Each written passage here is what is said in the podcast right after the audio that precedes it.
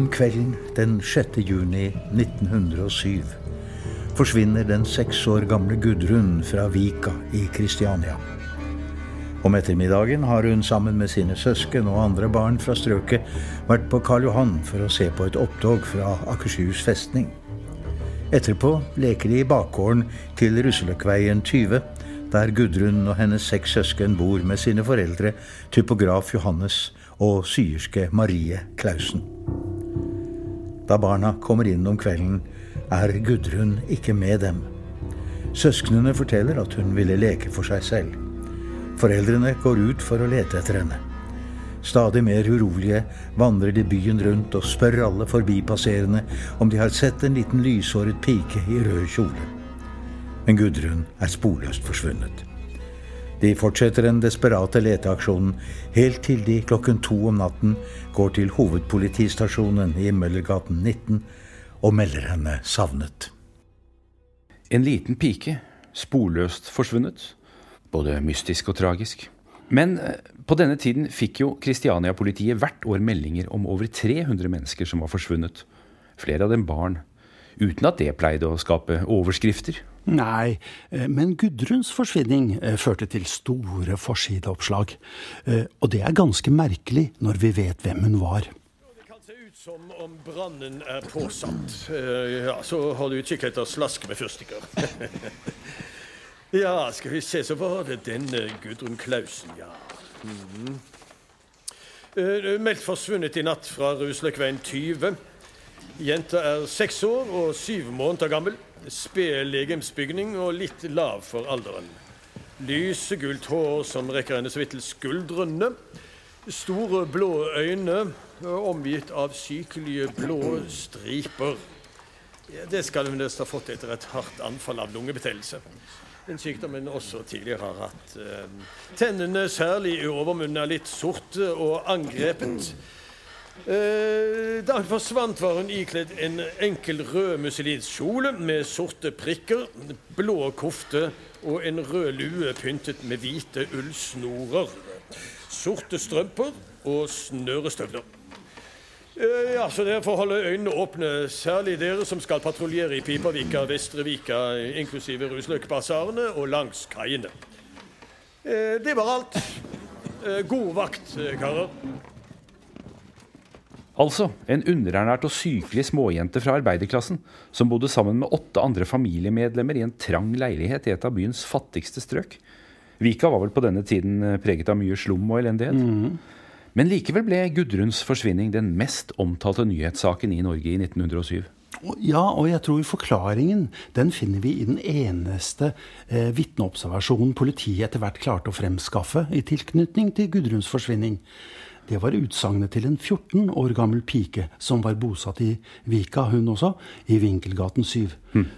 Hun kjente riktignok ikke selv Gudrun, men hevdet bestemt å ha sett en liten pike som stemte med signalementet, gå hånd i hånd med en tater mot bryggene hvor fantebåtene lå for tøy. Aha. Ung, lyshåret småpike, bortført av tatere. Jeg aner at dette ikke bare blir en eh, true crime-episode, men også en historie om fordommer og ryktepanikker. Og ikke bare det.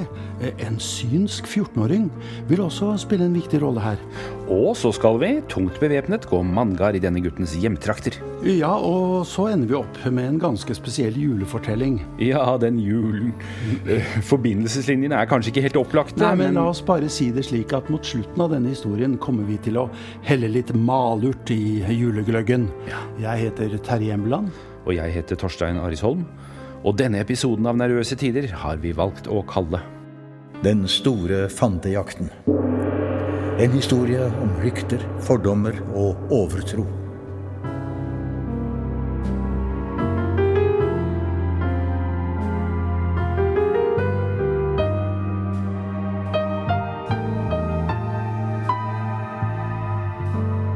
Du lytter til Nervøse tider. En serie om politikk, religion og kriminalitet i norsk førkrigstid. Uforsonlige klassekonflikter intense troskamper, spektakulære forbrytelser og pompøse personligheter. Ja, Norge av i går kan for oss virke fremmed og eksotisk. Men er forskjellene fra i dag så store? Lever ikke vi også i nervøse tider?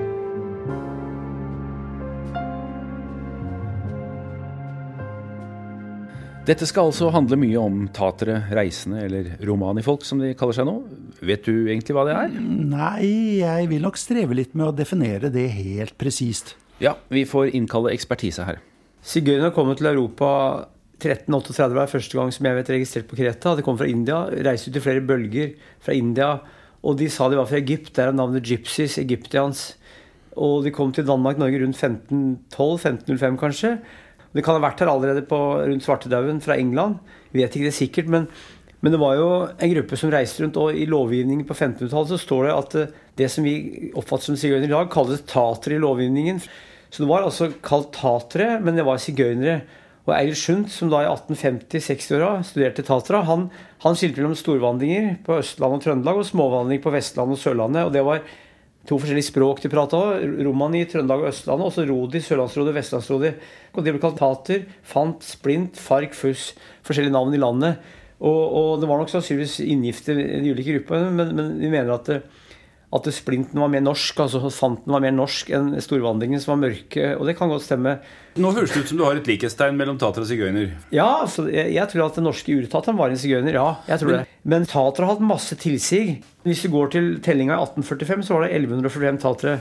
Og da, og da, vet vi at um, det var en ny telling på 1890-tallet, og da var det 4000 ca. Og da ser du på 90-tallet at en del av de familiene som da er nye, det kan du se på navnene. Så, så, så de fikk tilsig, og så var det mange som bosatte seg.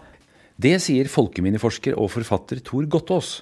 Han har i flere bøker behandlet taternes historie i Norge, og også all mytologien som omga dem. Men han er ikke den eneste som har noe å si om dette. Nei, slett ikke. La oss hilse på Sara Wigart, som er kulturhistoriker, og som bl.a. har forsket mye på kriminaliteten i de østlige bydeler av Kristiania, den gang for 100 år siden eller mer, og som selv er av det hun foretrekker å kalle reisende slekt. Du foretrekker selv å bruke reisende? Ja, det er litt mer nøytralt. Og det var det de gjorde. Nå sier jeg også at jeg er av reisende slekt ofte. Tater er jo på en måte et sånt Det er et, et ord som, som, er mange ting. Det er både Det ligger masse fascinasjon i det, men det er også forakt. Og det er det også i folket. Det er, det er stolthet og det er skam om hverandre. Samtidig som krangler med hverandre. Du kommer fra en familie som er blitt bofaste, som det heter. Hvilken grad er tradisjonene likevel overført til deg? Ja, jeg er jo ikke bare av reisende slekt. Jeg er jo på en måte av begge verdener. Det At jeg kan se det utenfra og innenfra, det er jeg ganske glad for. Jeg vokste opp med besteforeldre ganske nært, og det er det som står sterkest for de reisende også. Og det er familien og slekten. Det er uh, familien, samholdet og kulturen innad. Uh, beskytte hverandre innenfor familien. I hvilken grad har du selv møtt eh, fordommer og diskriminering i det moderne norske samfunnet? Møter kanskje diskriminering eller noen form for stikk, eh, kanskje ukentlig. Eh, noen ganger som jeg ikke vil si til noen at jeg er av reis, reisende slekt. Men så er det noen som kanskje prøver å google meg eller et eller annet, og så ser de det, og så ser jeg at øynene deres skifter litt i hvordan de ser på meg. Jeg hører andre prate om reisende om at ja, da må de passe på lommeboken sin. Tenker at de er født til å være sinnslidende. Jeg har også fått høre litt om. At f.eks. han der er ikke helt god, så han må være av taterslekt. Og da har jeg bare nikket og sagt ja vel, ok. For da hva skal, skal, hva skal, man si? Jeg opplever det ukentlig, ja. At det kan være negativ ordlag. Mm. Men har du opplevd det motsatte også? Noen av oss syns det er jævla spennende. Noen syns det er altfor spennende. Og hvis noen sier ja, min oldefar hadde brune øyne og mørkt hår, Da er det veldig ofte sånn. Nå er det faktisk sånn at uh, det er uh, mennesker av reisende slekt i Norge og Skandinavia og hele Europa som ser veldig forskjellig. Man kan ha rødt hår og fregner og, og blondt hår og være veldig lys i huden. Man, det er ikke en sånn typisk sånn at man er veldig mørk og mystisk. De har giftet seg med fastboende, som man sa. Og mange også av bondeslekter rundt omkring tidligere som ble til omstreifere, altså tok landeveien i stedet. Og sluttet seg til det reisende folket, for følte at kanskje de ville ikke ha dette livet. Det være en del av bondesamfunnet. Og så vet jeg at mange har sett på det at de reiste rundt, at det er en slags frihet. Har de sett et taterfølge komme inn på en, en gård, så har de sett med dem både forundring, forakt og fascinasjon alt samtidig. Fordi de ser at her kommer det mennesker som har mer frihet enn oss.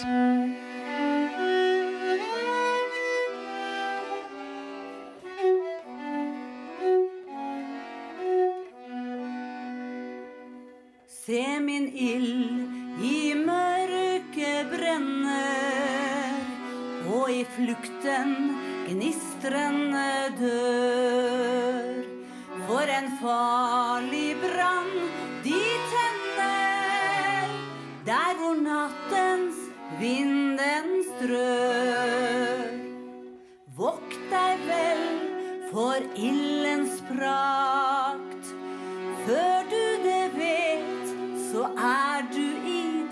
makt. Vokt deg vel, kom aldri fantens telt for nær. Stakkars den som en gang får ei taterjente kjær.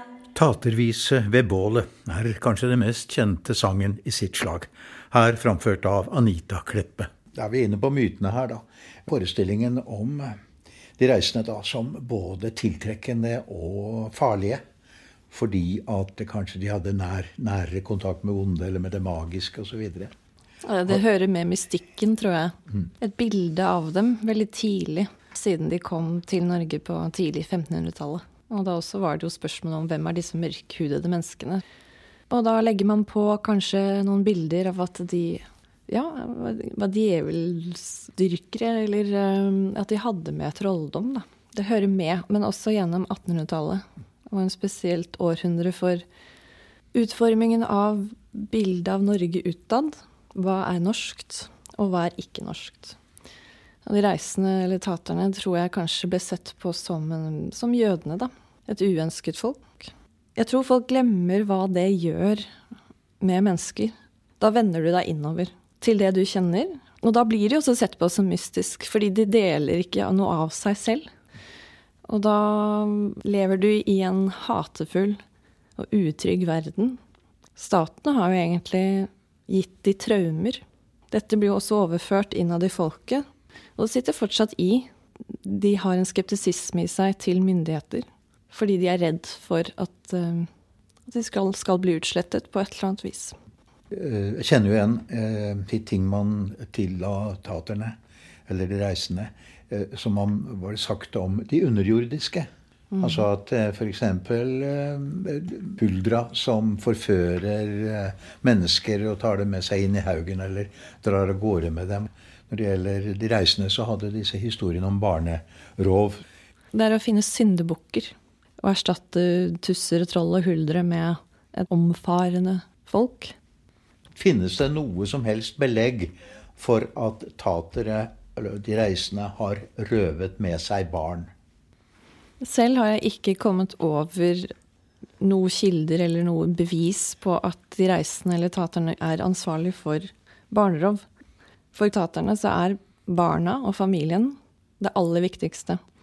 Så det er som om de snur det om. Og hvordan man gjør det? Jo, da starter man med kulturen, språket, og barna skal ikke kanskje vokse opp hos sine foreldre, og de skal ikke snakke dette språket. Det er jo assimilering det er snakk om. Det er fornorsking. Og Svanviken arbeidskoloni, den var jo ikke nedlagt før i 1989. Og det er en ganske stygg historie, den som knytter seg til Svaneviken. Ja, den utpeker seg jo De gikk vel ut med det at kommer du ikke hit og ja, tvangsbosettes her, så vil vi ta barna deres. De tok fra de barna, og egentlig så var barna det kjæreste de hadde. Når vi snakker om at de skal være ansvarlig for barnerov eller røve barn, blir jo veldig motsetningsfylt, egentlig, for folket selv. Det er ikke tilfeldig at pressen var opptatt av taterne på den tiden Gudrun forsvant, forteller Gåtås. Altså, I 1896 kom vergerådsloven. Det var en lov som ble lagd for å bosette barn som ikke hadde en familie å bo hos. Og en del tatere blir omfattet av det. For de ble tatt fra familien og bortplassert. Da var det vergeråd som sørget for det. Og i 1897 så kom Norsk misjon til hjemløse. Det var Tatermisjonen som Jakob Valum starta. Eh, og de hadde en koloni på Svanviken fra 1908, Eide, i nærheten av Molde. Det, en av de første som tror donerte penger til den kolonien, tror jeg var Håkon den 7., altså prins Karl da, fra Danmark. Eh, og så har du løsgjengerloven som kom i 1900 og gjaldt fra mai 1907. Så det var en del oppmerksomhet, skriving i avisa. Så, så det var en del oppmerksomhet rundt Tatra akkurat i de åra der. Eh, det tror jeg fyrte opp de ryktene. Eh, når det i tillegg er Kristiania, hovedstaden i Norge, så tror jeg den kombinasjonen der gjorde at du fikk den, den der voldsomme oppmerksomheten og den helt spesielle atferden rundt alt det som skjedde. Alt dette bidrar til at det bryter ut en ryktepanikk rundt lille Gudruns forsvinning.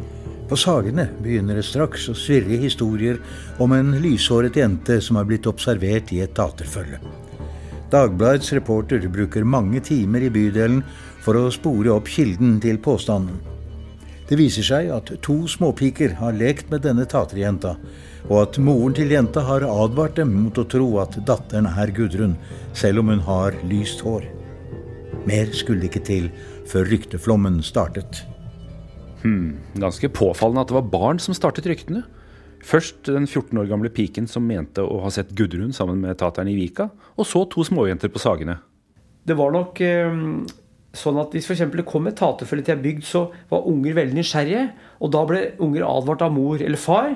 Og det som du blir advart mot, det er ekstra nysgjerrig. Så folk vokste opp da med å være litt redd de. De er jo fremmede, de er annerledes og har en annen livsform. Så det er noe med at det som er annerledes, det er, det er både fascinerende og farlig. Så jeg vet ikke hvor alle de trosforestillingene kom fra, men det er noe som sikkert har reist, akkurat som eventyr har reist. Men de voksne fulgte straks opp. Og årsaken var jo at denne historien knyttet an til veldig grunnfestede myter om taterne, nemlig at de bortførte barn. Denne forestillingen har sirkulert i århundrer, og blir av forskerne betraktet som den farligste av alle mytene knyttet til de reisende. Gottaas nevnte Eilert Sundt, teologen som også var landets første virkelige samfunnsforsker. Allerede i 1850 utkom hans omfattende 'Beretning om fante- eller landstrykerfolket i Norge'. Og der berørte han forestillingen om at fantefolk bortførte barn. Jeg skulle dog neppe bekvemmet meg til å ytre mistanken om dette slags udåd dersom den ikke allerede var en meget alminnelig tro. Ikke så sjelden hender det i våre bygder at små børn plutselig forsvinner, uten at det siden lykkes å oppdage det minste spor av den forsvunne. En meget utbredt mening om sådanne forsvunne skjebner er den at de er tagne i bjerg, hvorfor det også under tiden har vært ringet med kirkeklokkene for å tvinge de underjordiske til å give dem tilbake. Men en annen mening er også den at de er oppsnappet av forbistrygende fantefolk, som siden svøver dem inn i sine pjalter for ved dem å vekke medlidenhet ved sitt betleri. Eilert Sundt sidestilte altså slike historier om tatere med de rene eventyr eller sagn om huldrefolkets bergtaginger. Nå må det legges til at Sundts undersøkelse oser av fordommer mot taterne. Ja, regelrett rasisme eh, vil vi da kalle det. Han ville opprette tvangsarbeidshus for å bli kvitt det han kalte fanteonde, og også ta barna fra dem. Fanteonde, ja, kjære Wigard.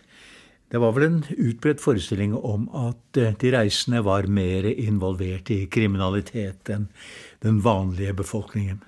De reisende stikker seg ikke akkurat ut uh, som noe spesielt mer kriminelle enn andre.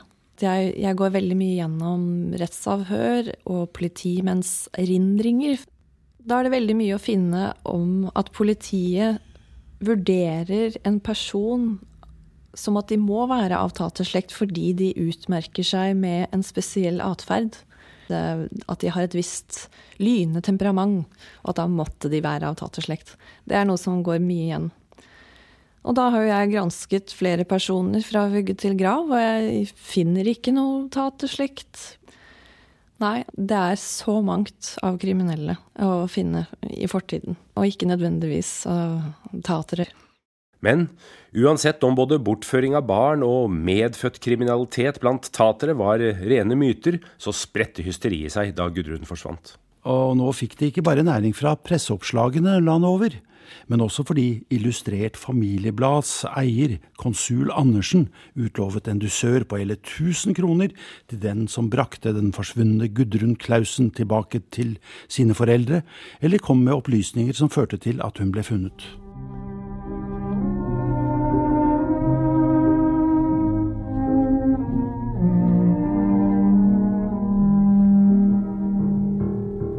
Dusøren og prestens sensasjonsoverskrifter fører til en flom av rapporter om at den forsvunne jenta er observert i taterfølger over hele Sør-Norge.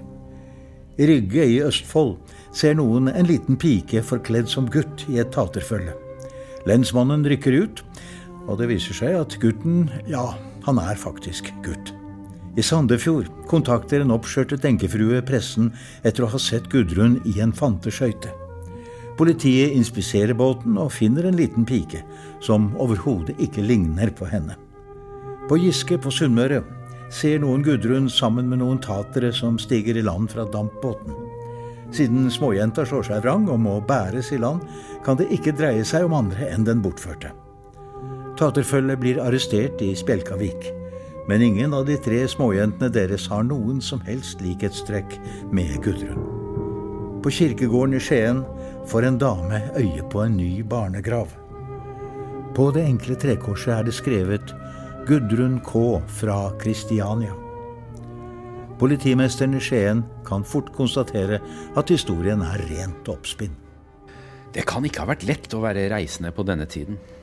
Nei, selv Aftenposten, som ellers ikke viste noen særlig sympati for dem, skriver at eh, det mange steder er farlig å være tater i disse dager, eller overhodet å se ut som en tater. I Kristiansund blir en taterkone brutalt overfalt av en pøbelgjeng da hun krysser byens torv. Årsaken er at hun leier sin lille datter. At jenta har ravnsort hår og på ingen måte ligner Gudrun, spiller ingen rolle. Pøbelen er overbevist om at det er den bortførte. Mor og datter blir til slutt reddet i hus av tollbopersonalet. I Kristiania følger en arbeider sin lille trette sønn hjemover langs Møllergaten. Et par koner hører hvordan gutten sutrer og slår seg vrang. De roper ut at arbeideren, som er mørkhåret, er tater og har bortført gutten. En menneskemengde samler seg og forsøker å rive barnet ut av farens hender. Til slutt må han søke tilflukt i en kafé i Fredensborgveien. Og politiet, da? Det virker som de hadde sitt svare strev med å håndtere denne rykteflommen. Ja, men de måtte jo undersøke alle påståtte observasjoner. Uansett hvor fantasifulle og usannsynlige de var? Mm. Men Kristiania-politiet lot seg åpenbart ikke helt rive med. Og fornuften og besinnelsens stemme tilhørte en mann som vi allerede har stiftet bekjentskap med i denne podkastserien. Ja vel? Ja, ingen ringere enn Ove Mosin. Æ, du verden! Oppdagelsessjefen i Kristiania som vi møtte i episoden om Den sorte band bande. Nettopp. Men i dette året, 1907, da Gudrun-saken eksploderte, er jo samme året som Mosin innledet uh, en frenetisk og konspirasjonsparanoid jakt på internasjonale anarkistiske bombemenn. Ja, Ove Mosin, Norges fremste anarkistjeger. Ikke akkurat en fyr man forbinder med tilbakeholdende nøkternhet. Men som altså i Gudrun-saken ikke lot seg styre av uh, angstfantasier. Nei. Si meg, er det mange mennesker som årlig forsvinner her i Kristiania? Nei, eh, i forhold til byens størrelse er det ikke mange. Og de fleste er før eller senere kommet til rette igjen? Ja, de aller fleste. I første halvår 1906 er det bare tre av de anmeldte savnede som vi ikke har funnet rede på. Mange forulykker, da. En del tager livet av seg av en eller annen grunn. Og en del rømmer sin vei for at unngå lovens arm. Den lille Gudrun Klausen, som han mener er stjålet av tatere. Hva tror oppdragelsessjefen om henne? Jeg tror hun er forulykket, og at man en vakker dag finner hennes lik. At hun skulle være stjålet, er lite trolig. Og dessuten har det jo snart vært holdt undersøkelser hos alle tatere som fins i Norges land, uten resultat. Det går forresten ingen dag uten at det innløper meldinger om henne. Så har man sett henne her, og så der.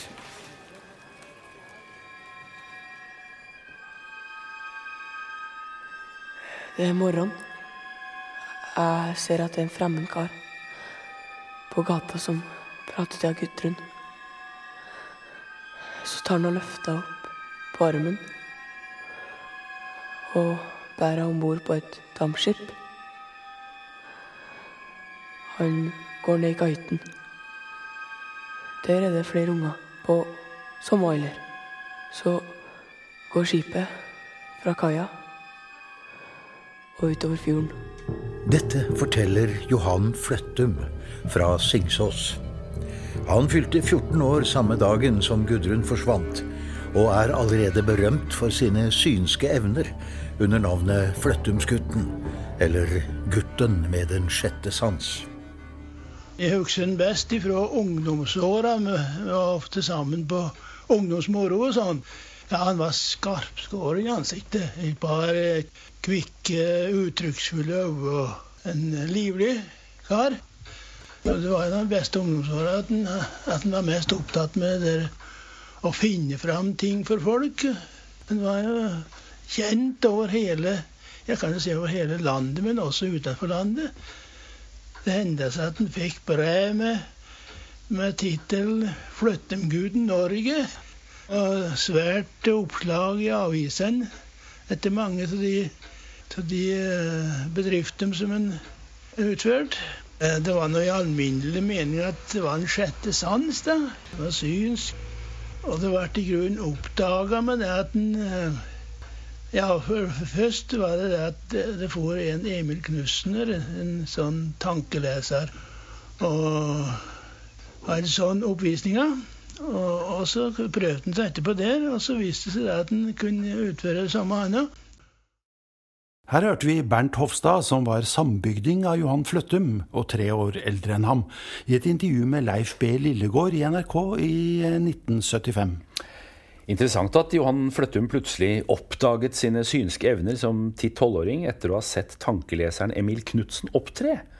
Kanskje han hadde avslørt noen av mannens triks? Ah, nå er du litt skeptisk, Torstein, eh, men det er vel grunn til å mistenke det.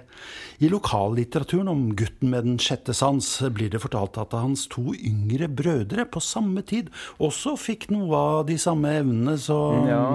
Men hvem var denne Emil Knutsen da, som inspirerte Johan Fløttum? Han kom fra Steinkjer og var på dette tidspunktet en voksen mann i 30-årene. Han fikk tidlig ord på seg for å være byens Nostradamus.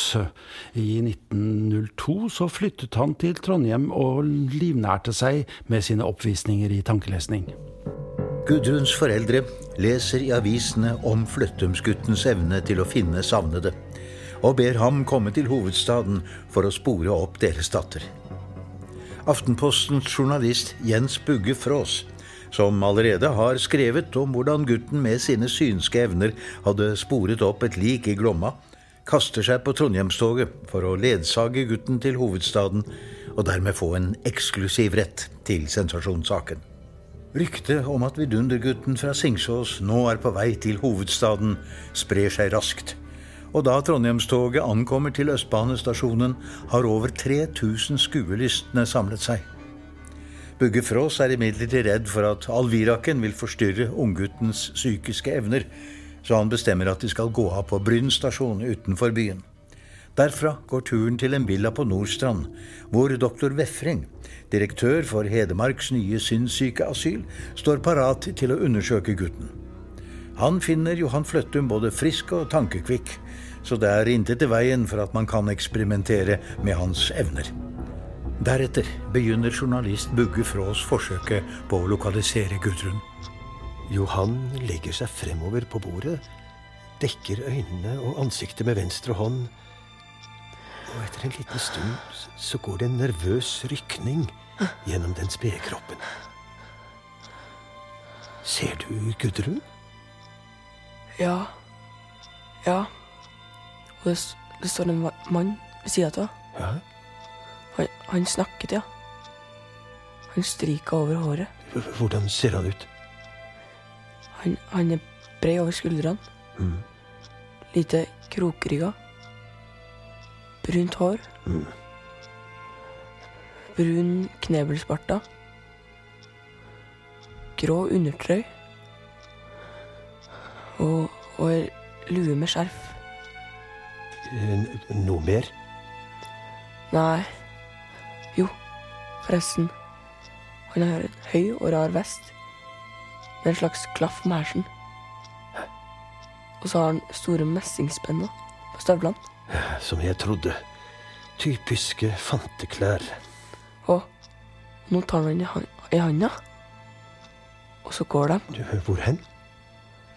Hvis du gir meg noe papir og en blyant, så kan jeg tegne det. Uh, ja uh, Se her. Blyanten begynner nervøst å bevege seg. Den blir ofte løftet opp og flyttet hit og dit, men kommer alltid tilbake til stedet hvor den slapp. Underveis forsikrer jeg meg flere ganger om at han ikke kan se noe gjennom fingrene. Stykke for stykke trekker Johan opp en strek på papiret. Et kart. Ja. Der går veien. Vi får se. Hm, ja, så sannelig, det der kan jo være Rusløkkveien. Og- det kan jo være eh, merkelig.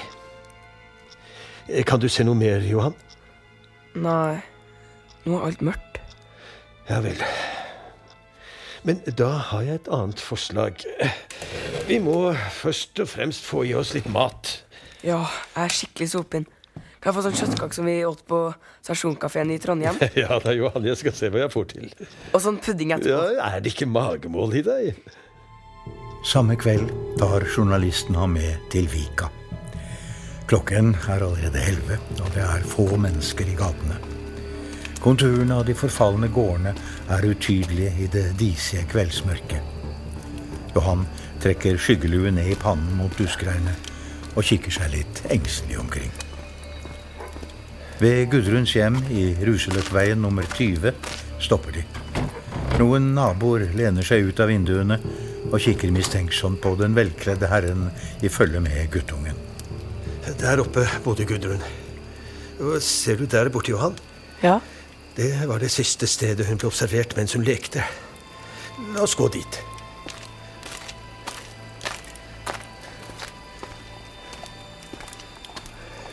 Så kan du vise hvor han førte Gudrun. Eh, Ja, men du må holde meg i handa, altså. Eh, Kan du ikke gå alene? Nei, du må holde meg. Sånn.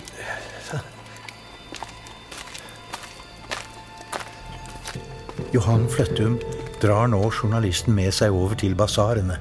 Så på skrå ned gjennom Engens gate, hvor de passerer Jens Stettens skraphandel. Deretter over Munkedamsveien, forbi Holms konditori og til Vestbanens godsstasjon.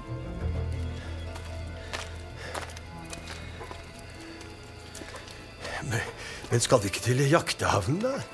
Det var jo der alle fant Nei. Denne veien. Johan går med bestemte og raske skritt langs Vestbanetomten. Uten å nøle svinger han bort til Dokkveien, hvor han drar journalisten med seg inn i et mørkt gårdsrom. Dette kan jo ikke være riktig, Johan. Dette er jo ikke Jo, mellom de der husene.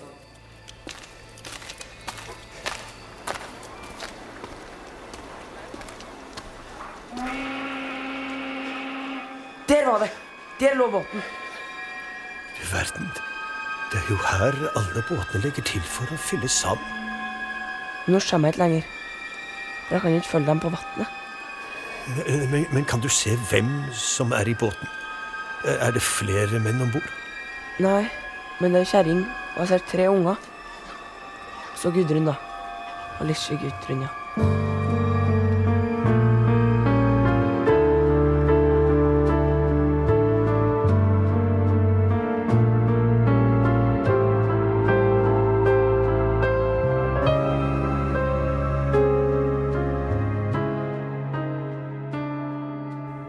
Lyttet til Nervøse tider. En podkastserie om politikk, religion og kriminalitet i norsk førkrigstid. Og første episode av Den store fantejakten. En historie om rykter, fordommer og overtro. Programledere og historiefaglige ansvarlige var Terje Embeland og Torstein Arisholm. Tekniker og produsent var Roy Knutsen.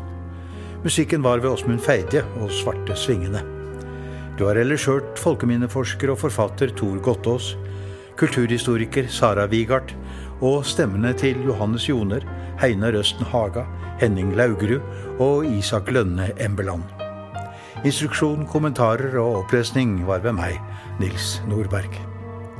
Nervøse tider distribueres av plateselskapet nummer 13 og støttes av Bygningsarbeidernes fagforening og Oslo Handel og Kontor.